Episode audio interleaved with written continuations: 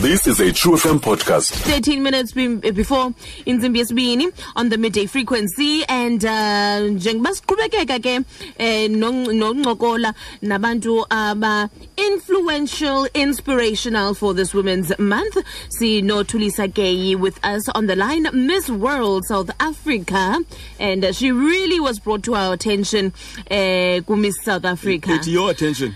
to to our Uh, attention it's your attention. She wants your attention. our Miss Issa. attention I've on been not South Africa. knowing about Thulis. Uh, uh, Thulis is my homegirl, man. What's up, Thuli? akathanda ukubanga abantu ubrothers how are you her home girl kodwa walapha ephakamisa yena wasemdantsane Listen, listen, listen. I, I, I will claim Thulis if I want to. Thulis is my homegirl. What's up, Thuli? Tell what's them up you know me. Hi, uh, um, ndizibusela kubaphulaphuli and everyone in studio. Thank you for having me. siyabulela kakhulu miss world south africa khawusixelele ke ngothulisa ungowaphi because ubrothers uthi uyi-home girl kodwa ngowasephakamisa yena mna ndiva umdantsane so ungowaphi ukholaphi ukhula njani No man, singabakhaya sonke. Even Cape, isike WhatsApp group eyi-one. oh hayi ke So, um, mna, I was born and raised in Mdantsane. Um, so I, I, I did my early schooling there up until 18 matric. And um, I was fortunate enough in matric to get six distinctions and I had um, three scholarships and a bursary to UCT. So that's the only time I moved to Cape Town for my studies at UCT. six Um, distinctions. Um, and then in Cape Town, I did my BCom accounting and my honors in accounting and graduated. And then that's the only time I moved to Johannesburg to do my articles to become a chartered accountant. okay Yes, but I'm originally from Mdantsane. Okay, so from being Thulisa the the accountant to now a world-renowned beauty queen, how does that happen? Okay, so um, I was highly academic growing up, and I never really was involved in modeling or pageants um, or anything of that sort. Um, and then it so happened that when I got to UCT, um, I got involved in professional modeling. Um, that would be your commercials and your um, editorials, your magazines and stuff, but still not pageants. Um, so I did that part time while I was completing my studies at UCT. Um, and then I was scouted by a Miss SA scout in my honors year, but practically that didn't work out because of my studies. Um, so then I've been meaning to enter Miss SA since 20, um, 2016. But then I started working and I had professional exams um, and just the pressure of being a young professional and a young adult, um, I wasn't able to enter. So then in my third year of articles, um, I thought to myself, listen, this is something that you wanted to do, um, so just don't overthink it and just do it. So in May, um, in April, I just decided to go for auditions, and um, it was my first ever beauty pageant, and I'm actually glad that I got this far.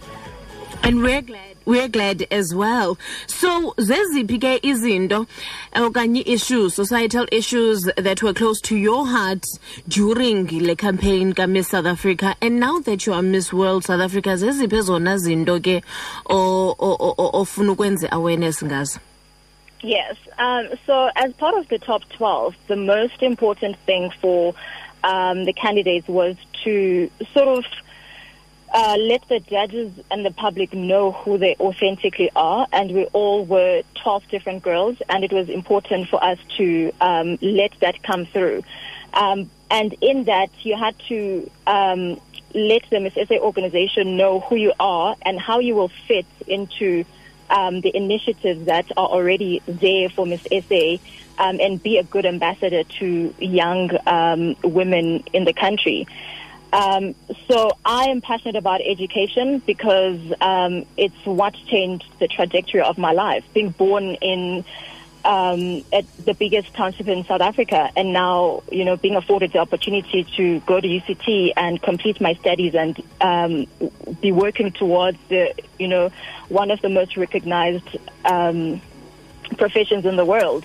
I felt that I wanted to contribute to the economic participation of women and youth and really encourage them to um, pursue their own dreams um, through education, which is something that I had experience in.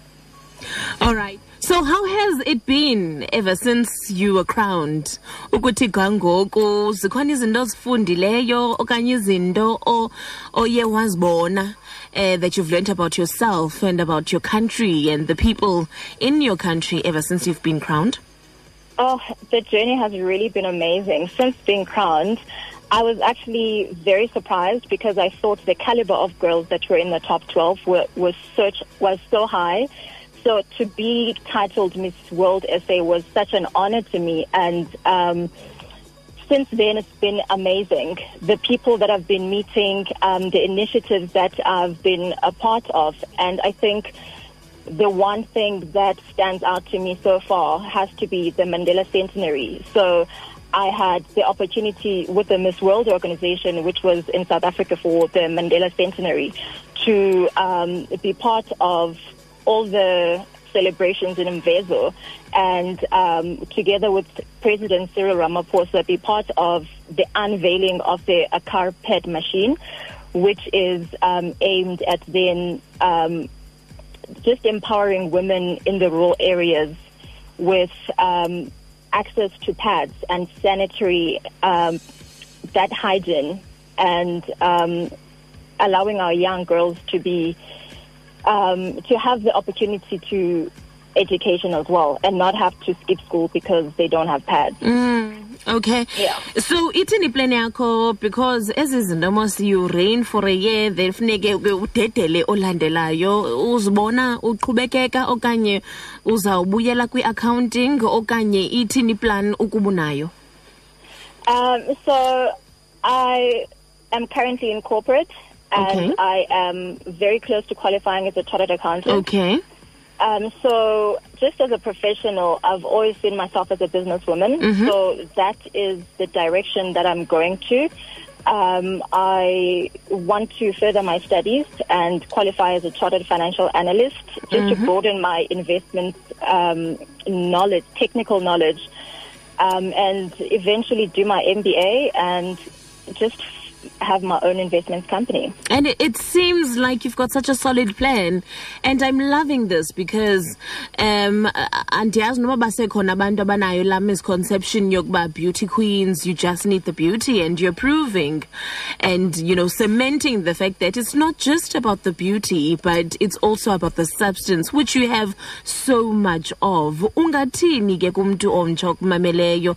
Baninzi abajonge phezulu, bajonge kuwe emdantsane as a role model throughout the Eastern Cape in South Africa and now the world. Ungathini kubo abo bamameleyo? Okay, so my experience is just with two different categories of um, young females. Um, my message for young girls is that they should have a vision for their lives and they should be willing to work hard because you um, you start to see all of these people that have made it, but then you forget the the hard work that goes behind that. So I want to tell people that you know dreams do come true, and possibilities are endless, and that it doesn't matter where you come from.